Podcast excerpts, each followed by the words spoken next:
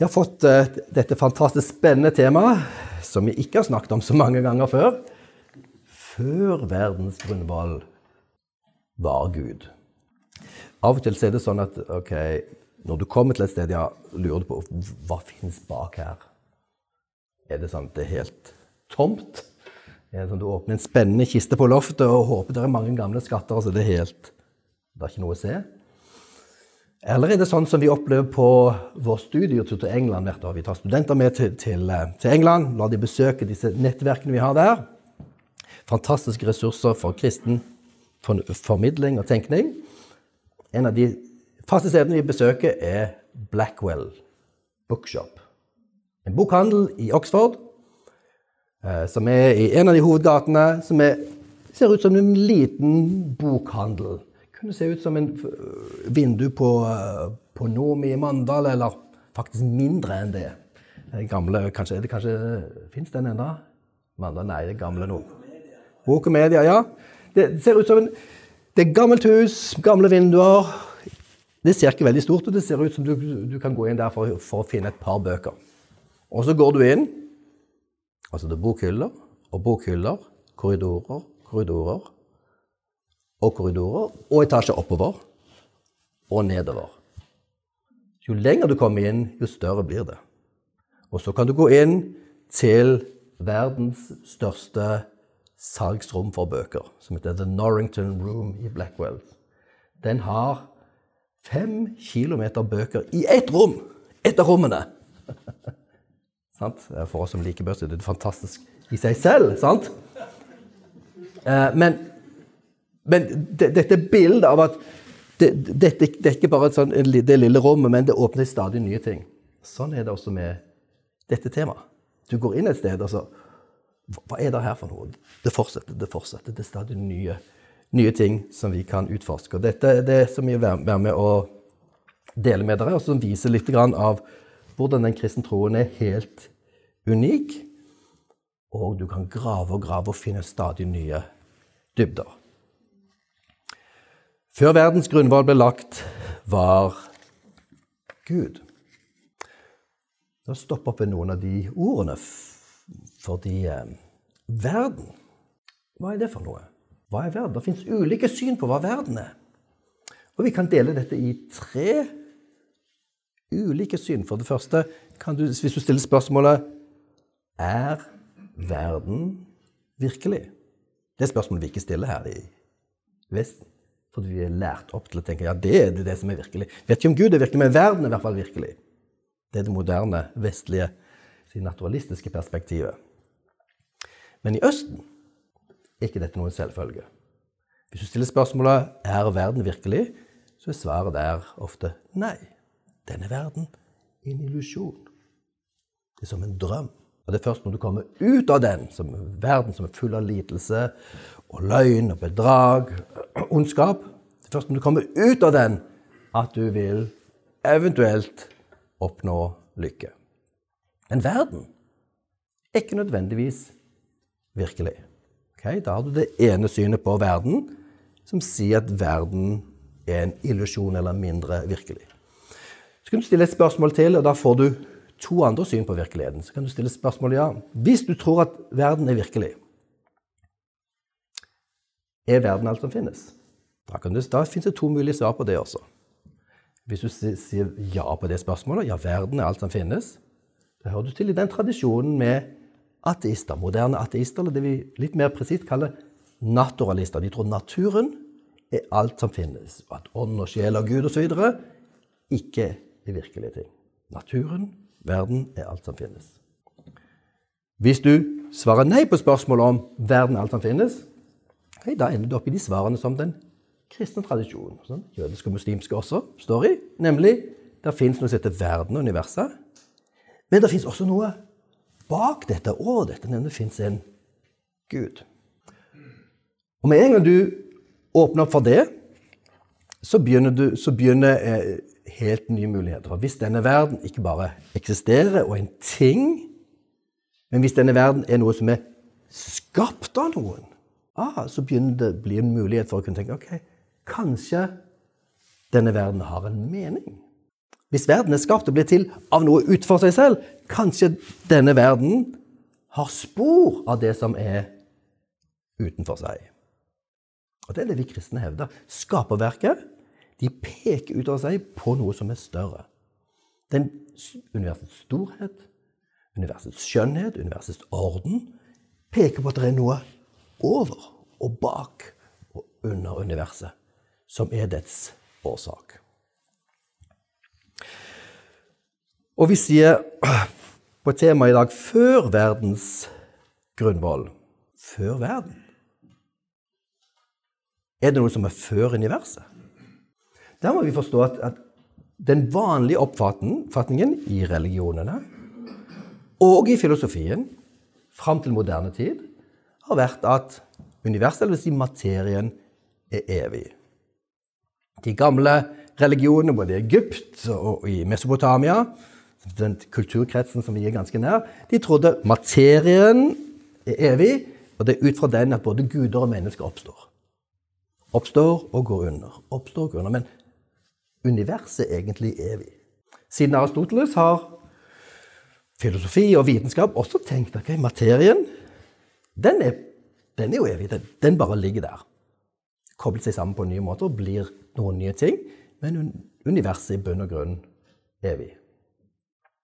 Og så fikk vi rundt 1920-1930 en helt ny teori som vi nå kaller Big Bang-teorien. Som er en teori som svært mange moderne ateister ikke likte. Big Bang-teorien sier at når vi observerer universet i dag, så ekspanderer det. Vi kan måle farten, vi kan se at universet utvider seg. Så De som hadde de gamle TV-ene før i tiden, eh, Når du skrudde på og ikke hadde kanalen oppe, så så du psh, sant, den der snøen sant, på skjermen. Den snøen der er elektroniske signaler, magnetiske signaler som kommer fra det første Big Bang-universet. Masse stråling. Vi kan observere det i dag. Så hvis universet ekspanderer seg, som de sier, og du da regner tilbake i tid ok, Hvor kommer dette fra? Og det er der det radikale kommer. Så må universet da en gang ha vært nesten uendelig lite. Og så startet. Og det som Einstein og de, de moderne teoretikerne snakker om i, i, vår tid, er at materien og tiden og energien ble til. Det var en start på det. Også tiden. Før Big Bang var det ikke tid. For tid er en del av materien, det universet vi kjenner. Dette skapte store problemer. Einstein likte ikke det. Han er min store helt. De er født på samme dato som han. Kan dere eh, prøve å lete dere fram i kalenderen til hvor det er? Viktig dato. Eh, han likte ikke denne teorien. Det forstyrret hans forståelse at materien i universet egentlig var evig. Mange artister prøvde å push back og, og um, skyve tilbake på denne teorien, men den er så grundig forankret nå i moderne fysikk at det er egentlig ikke noe særlig rom for mye tvil om det. Spørs, de lærde diskuterer ok, hva forårsaket dette. Var det noe før? Før tiden? Veldig vanskelig. Men dette er faktisk blitt et kan brukes som et argument for Guds eksistens. For noe må ha forårsaket dette. Så Det brukes som et argument nå som, er, som kalles Kalam-argumentet av kristne filosofer. Eh, som et sterkt argument for at det må ligge noe bak under universet som fikk dette til å skje. Så den kristne troen på at før verdens grunnvalg ble lagt, så var det noe. Den er i vår tid blitt bekreftet sant? av naturvitenskapen. Veldig oppsiktsvekkende. Veldig oppsiktsvekkende. Universet har en begynnelse. Som betyr at hvis universet har en begynnelse, og det er noen bak det, så kan universet ha en mening. Og det betyr også at det gir mening at mennesket søker den meningen. Vi spør etter mening med livet. Vi ser at i alle kulturer så har man ideer om Gud, ånder, noen som er opphav Det er en drøm eller tanker om Gud i alle kulturer. Hva da gir det plutselig mening, hvis vi er skapt av dette ut forbi naturen? Så gir det mening at mennesket søker dette. Mennesket søker spørsmål på mening også med sine egne liv. Men så er det slik at hvis Gud har skapt dette universet Han skal både det skjønne og vakre eh, regelmessig vi finner rundt omkring oss, men også vår samvittighet. Hvor vi både bedrøves, vi opprøres av ondskap. Hvordan kan det være sånn hvis vi bare er dyr? Rettferdighet, godhet og kjærlighet det berører oss svært dypt. Det er, vårt, det er et tegn på at vi er skapt i Guds bilde. Moralsansen vår. Også en peker på at det fins noe ut forbi dette universet. Vi er mer enn dyrene. Så den kristne troen gir svært god mening til denne ideen om før verdens grunnvalg ble lagt. Plutselig, i vår tid, så er den også blitt lagt på, på, på agendaen, til og med naturvitenskapen. Men den kan ikke uttale seg noe om Gud, for naturvitenskapen er opptatt av å undersøke naturen. Den kan peke på Gud, men Gud er ikke materie, en ting som kan underlegges våre mikroskoper. Så der må vi lære om Gud fra andre steder. Og det har heldigvis Gud. Gud har fortalt oss hvem han er. Derfor kan vi vite om det. Hvis det er slik at Gud fantes før universet ble til I det moderne språket vil det være før Big Bang. Så er spørsmålet ja, hva, hva da? Hva var før? Og den kristne troen, som allerede er blitt nevnt her, så tror vi Gud finnes. Og Gud er både Faderen, Sønnen og Den hellige ånd. Gud var ikke ensom. Gud trengte ikke noe action. En forfatter har formulert det sånn at det er en slags Fra universets Fra før universet begynte, fra evighet av, så fins det en slags guddommelig dans i treenigheten. Hvor Faderen, Sønnen, Den hellige ånd, de elsker hverandre, de ærer hverandre.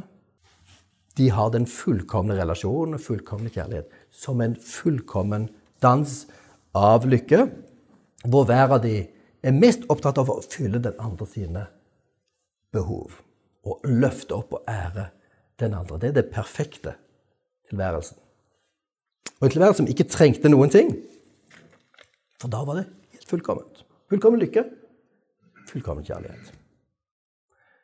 Og likevel så fant denne evige Gud på at mm, la oss skape. Det er en fantastisk ting. La oss skape noe som er noe annet enn oss. Et univers. Det betyr den Gud som fyller alt, gir plutselig rom for noe annet enn seg selv. Gi selvstendighet til noe. Og la oss i dette universet plassere noe som speiler oss mennesker. Som kan dele gleden og lykken i vår kjærlighet i den dansen som finnes fra evighet av. Den harmonien, den musikken sånt, som finnes fra evighet av. Og dermed ble mennesket skapt for å inviteres inn i Guds familie, inn i Guds fullkomne lykke. Det er det som den store fortellingen dreier seg om. Gud gir rom for noe annet enn seg, for det første universet. Og så gir han rom for vesener skapt i sitt bilde, dvs. Si, som har en egen vilje, selvbestemmelse, fornuft, moralsans, og som bærer med seg en stor risiko. Hvis mennesket har en selvstendig vilje, så kan det avvise den Gud som inviterer. Det var den store risikoen. Og det er det den kristne fortellingen går ut på. Hvordan Gud i evig fullkommen lykke valgte å skape noe annet enn seg selv. Han trengte det ikke. Og det var en kostnad for ham, både på å skape noe som er selvstendig selvstendig forhold til seg selv, og som må velge hans kjærlighet. La oss uh, gå til noen uh, bibelvers og, jeg tenker hvis, hvis vi, hvis vi um, begynner med dette med treenigheten sant, fra evigheten av, så kan vi gå til Johannes kapittel 17, hvor Jesus ber til sin far for de som Gud har gitt ham. Vi kan lese fra vers 1 til vers 5 i, i Johannes evangeliet kapittel 17. Jesus er da på vei til eh, korset. Og det er jo interessant at i Johannes evangeliet så bruker forfatteren dette med å ære og herliggjøre som noe som skjer i korset. Når Jesus løftes opp, som vi snakker om, i løftegud opp i lovsang, opphøye Det Johannes snakker om der, det han løftes opp på, er jo et kors hvor han tortureres og henger naken som en skam for hele byen. Det er den herligheten, den æren, som Jesus er på vei til. Og så ber han slik, fra vers 2 i kapittel 17.: Far, timen er kommet. Herliggjør, eller betyr er. Herliggjør din sønn, så sønnen kan herliggjøre deg. Dette er det treenigheten har gjort i hele eksistensen fra førtiden. Ære hverandre, løfte hverandre opp, fylle hverandres behov, ikke sitt eget. Moderne mennesker er som et sort hull som suger alt inn i seg, for aldri nok. Guds kjærlighet er den som flommer over og gir den andre. Så Sønnen kan herliggjøre deg, for du har gitt ham makt over alle mennesker. Gud har all makt. Han gir av sin makt til Sønnen for at han skal gi evig liv til alle som du har gitt ham. Dette livet som treenigheten består i, dette gis til Sønnen, som gir det videre til alle de som tror dette evige livet. Og dette er det evige liv, at de kjenner deg, den eneste sanne Gud, og ham du har sendt, Jesus Kristus. Dette er det evige liv, at de kjenner deg. Vi har sånne rare ideer om at evig liv det er å komme til himmelen. Og vi har veldig rare bilder av dette. Det er gater med gull, det sitter på skyer og spiller harper og styng osv. Dette er bildespråk, ikke sant? Og veldig mange av oss syns ikke det er veldig interessant å komme til himmelen og stå i kor. Ok, Jeg syns det var kjekt med kor i min ungdomstid. Jeg var jo i Agder Tenerens kor her, eh, med en eh, flott karriere der. Men det var mest for å treffe venner. Men det er flott å være med i et kor når harmonien kom. ikke sant?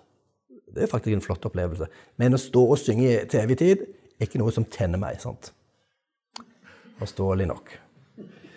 Men essensen i evig liv er ikke det bare slippe å dø. Det er heller ikke det å komme bort fra verden eller sitte et sted langt vekke himmelen. Essensen i det evige liv er å kjenne Han som er og har liv, ikke sant? Den guddommelige dansen fra evighet til evighet inviteres vi inn i. Der hvor kjærligheten, æren, renner over. Innover oss. Vi inkluderes i den. Så da er ikke Gud fra evighet av, fra verdens grunnvoll ble lagt, ikke noe som kjedelig bare er i fortid. Dette er det dramaet vi inviteres inn i, en slags symfoni de kjenner deg, den eneste sanne Gud, og Ham du har sendt, Jesus Kristus. Her igjen treenigheten, Faderen og Sønnen. Dette er oppdrag de gjør sammen. Um, og den ene er den andre. Jeg herliggjorde deg på jorden da jeg fullførte den gjerning du ga meg å gjøre. Far, gi meg nå den herlighet, den herlighet som jeg hadde hos deg før verden ble til. Dette er det som den evige, guddommelige dansen, harmonien, eh, går ut på. Å ære hverandre, løfte hverandre. Er det rart at det er sentralt i Bibelens formaninger? Ære hverandre Sant? og elske hverandre. Så de delte herligheten, stråleglansen, æren fra evighet av. Um, og det som det også står i vers 24 du elsket meg før verdens grunnvoll ble lagt. Dette som skjer i den relasjonen, essensen av det er kjærligheten. Kjærligheten som ikke er å fylle mitt behov. Et moderne, moderne syn på kjærlighet er noe jeg føler, og noe jeg trenger. Sant? I need you er liksom moderne syn på kjærlighet. Mens den uh, kristne form for kjærlighet, som er agape, er noe når du gir noe uten å forvente og kreve noe tilbake. Det er den kjærligheten som vi får fra Gud. Jesus døde for oss mens vi var syndere, mens vi var hans fiender. Mens vi hang han på korset, så valgte han å gjøre det. Øse utover oss sin kjærlighet, sin tilgivelse, og legge den åpen for oss for å gripe og ta imot. Og så jeg har åpent for vers 6 i Johannes 17. Jeg har åpenbart ditt navn for de mennesker du ga meg fra verden. De var dine, og du ga meg dem, og de holdt, holdt fast på ditt ord.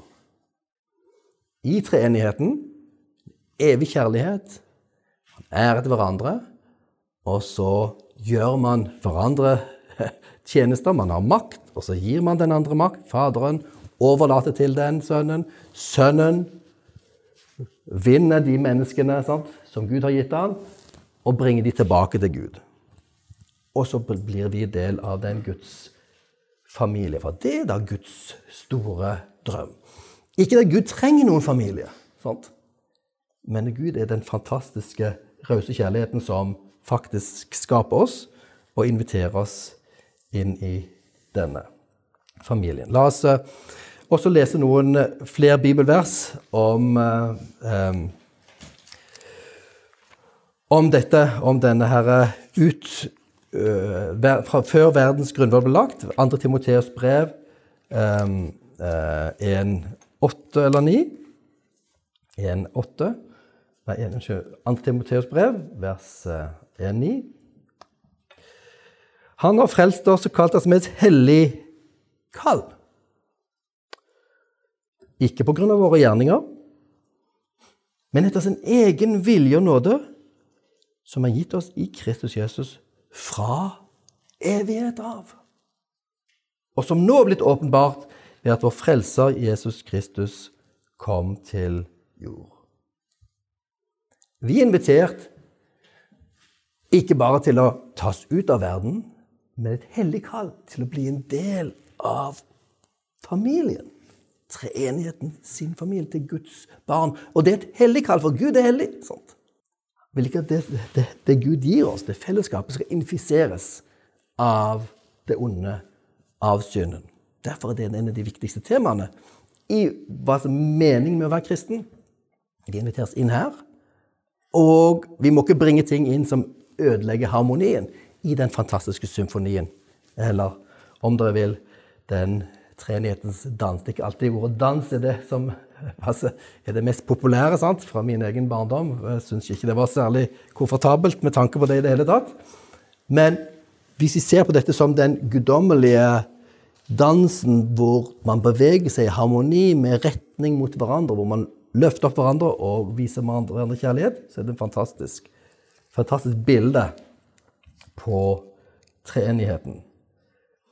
Han har gjort ende på døden, ført liv og udødelighet fram i lyset ved evangeliet. Kan vi ta Titus 1, vers 2 igjen? Eh, Titus 1, begynner vers 1. Paulus, Guds tjener og Jesu Kristi apostel, utsendt for å føre Guds utvalgte til tro og til erkjennelse av den sannhet som gir Guds frykt og håp om evige liv. Dette Livet har Gud, som ikke kan lyve, gitt løfte om fra evighet av. Fra før verdens grunnlov ble lagt, så ikke bare fantes de, men de har gitt et løfte om evig liv for de som griper Kristus, de som blir med i dette her. Og da tiden var inne, åpenbarte han sitt ord i budskapet. Igjen i så nå går vi bare inn i noen, noen uh, bibelsteder som har akkurat dette temaet før verdens grunnvalg ble lagt. Første Korinterbrev kapittel 2 vers uh, 7. Vi forkynner et mysterium, Guds skjulte visdom. Noe som var skjult fra før, men som nå er blitt overtatt. Før tidens begynnelse hadde Gud bestemt at den skulle føre oss frem til herligheten. Guds skjulte visdom. Gud hadde bestemt det før verden ble lagt. At vi skulle få del i herligheten. Dette fantastiske livet. Den fullkomne lykken og gleden som er en del av treenigheten. Det er da herligheten. Og det som da er den, en av de store uh, mysteriene, er jo OK, hva er prisen for dette, som ble tydelig i 1. Peters brev, kapittel 1, vers, 1, vers 20. For Gud, Faderen, Sønnen og Den hellige ånd visste hva dette kom med. Ikke bare at dette kunne gå galt, eller at dette var en B-løsning, reserveløsning. De visste dette. De visste hva prisen var. Ikke bare å gi selvstendighet. Du vet det er vanskelig å gi slipp på barn. sant? Når de bygger sine egne liv. Det er en vanskelig ting. Det samme har Gud gått igjennom.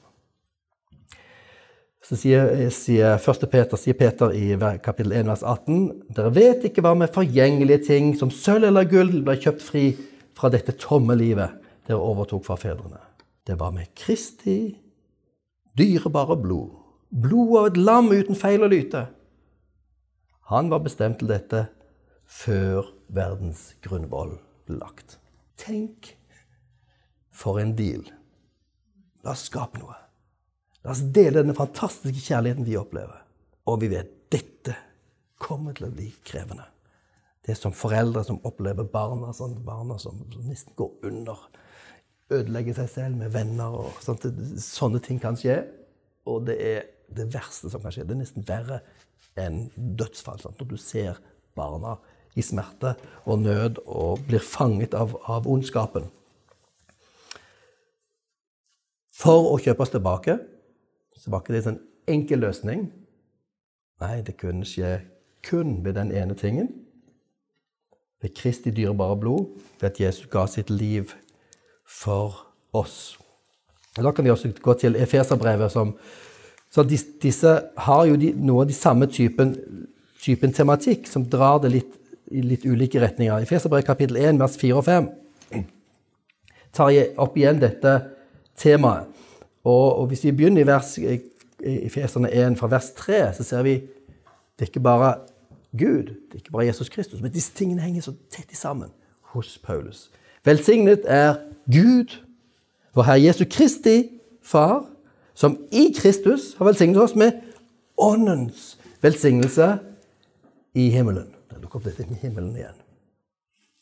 Det er ikke bare vi skal dit, men det er et sted som allerede finnes, og som øser over oss og inviterer oss inn i, inn i den virkeligheten som den egentlig er.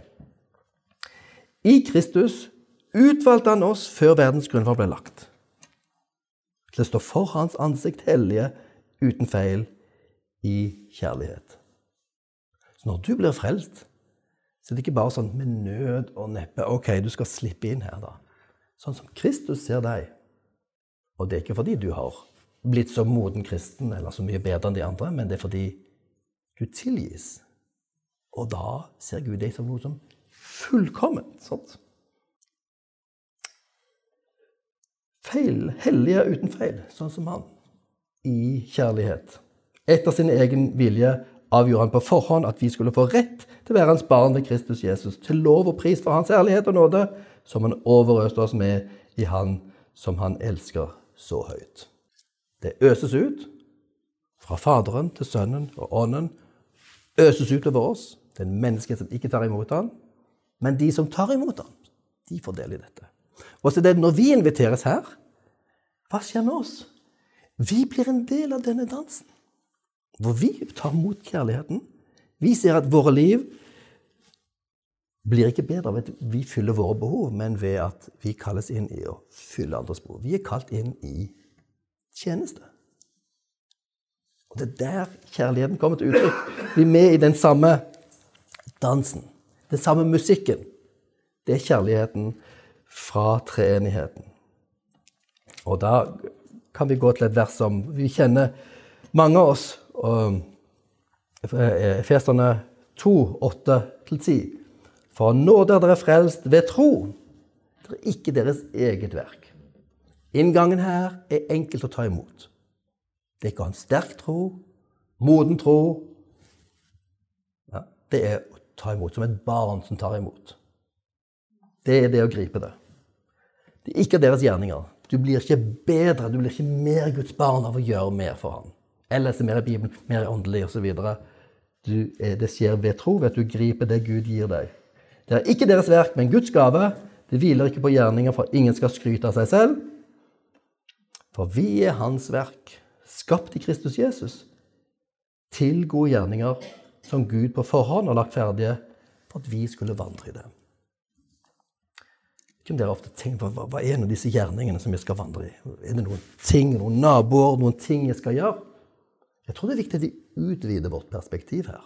Vi inviteres inn i Guds evige dans. Inn i herligheten.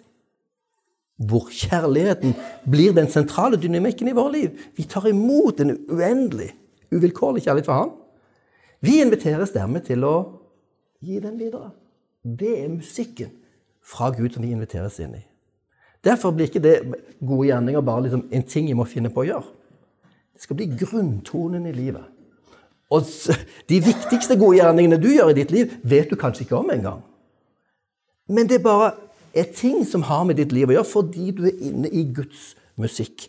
Guds vakre dans fra evighet til evighet. Som består i å se Gud, ta imot Gud inn i, inn i livet, til å gå inn i denne fantastiske dansen med Gud, hvor du mottar kjærlighet. For Gud ærer deg, du ærer Han tilbake igjen.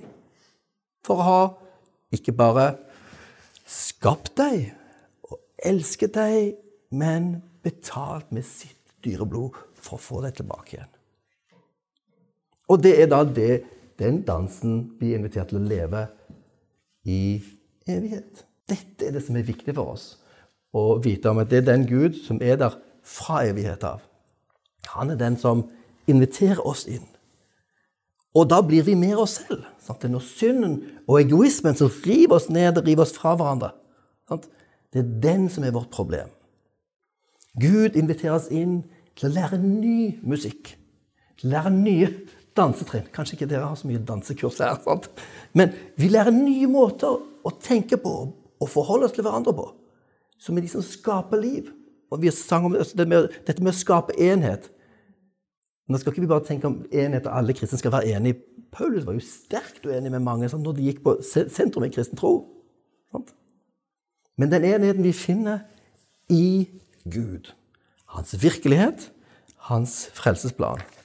Og Da er det tre utfordringer ut, ut fra denne her, eh, det temaet som vi har fått om før verdens grunnvalg ble lagt, var Gud. For det første er det en invitasjon til å bli del av Guds liv, Guds treenighetens dans. Og Gud har latt deg velge her. Gud trer til side. Gud, han som egentlig fyller alt. Han trer til side og trer bak for å la deg ta den beslutningen. Det er en stor ære. Det er det viktigste valget du gjør. Og uh, han har betalt, gjort alt. Han trenger et ja fra deg. Så Det er en invitasjon. Det er det første. For du som har tatt imot invitasjonen allerede, så er det liksom ikke bare 'ja, nå er du blitt kristen'. Nei, for nå er du invitert inn i dette fantastiske livet fra evigheter. Vi mottar Guds liv fra dag til dag. Og det består i å lytte til Gud. Det består i å snakke med, konversere med Gud. Det består i å lytte til hans folk, sånn som vi gjør nå. Dette går de trinnene som er del av dette livet. Vi mottar Guds liv fra alle hans sammenhenger. Så kan vi snakke om å lese i Bibelen osv. Det er viktig at ikke vi bare ser på det som en plikt. Vi trenger av og til litt plikt overalt for, for å gjøre ting som, som må gjøres. Men her er det Gud som inviterer oss inn i en stor lek som, som, gjør at vi vokser, og vokser sammen. Eh, vi mottar Guds liv. Så Og så er det det tredje invitasjonen, er å gi Guds liv videre. Sånt. Hvordan inviterer vi andre mennesker med i denne dansen? Og da er det viktigste for oss at vi selv er der og går de trinnene.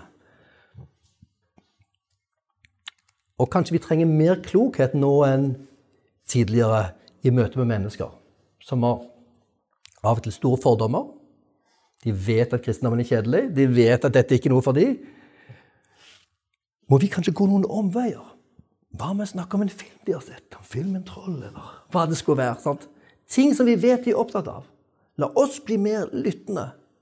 For det er jo det som er kjærligheten. sant? Vi tenker at kjærligheten er fortell dem om Jesus. Ja, men det er de som skal være elsket. Og hvis ikke vi hører og bryr oss om de menneskene, sant?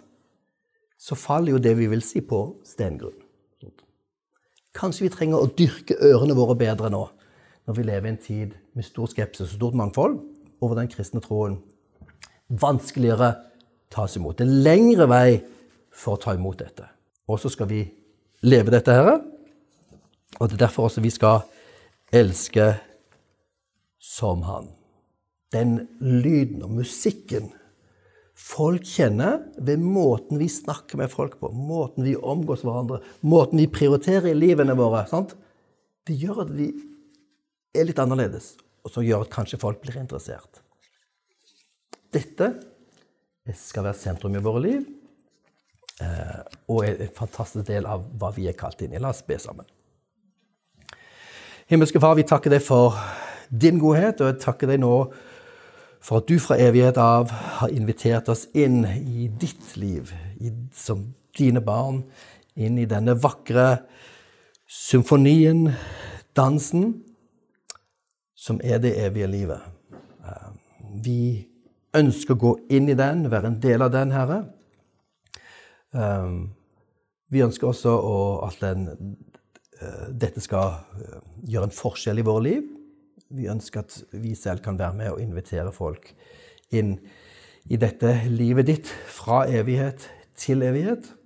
Vi ber at du må utruste oss med ører og forstand og hjerter, så vi kan være sånn som deg, som lytter, som går, som går en ekstra mil, og som kan være der når mennesker begynner å spørre, når de begynner å rope, når livene blir vanskelige, hvor vi vet at det finnes et håp, Ehm, så ber vi at du sender de rette menneskene i vår vei, og gjør oss til eh, mennesker som, som kjennetegnes av den musikken fra ditt evige vesen, Herre.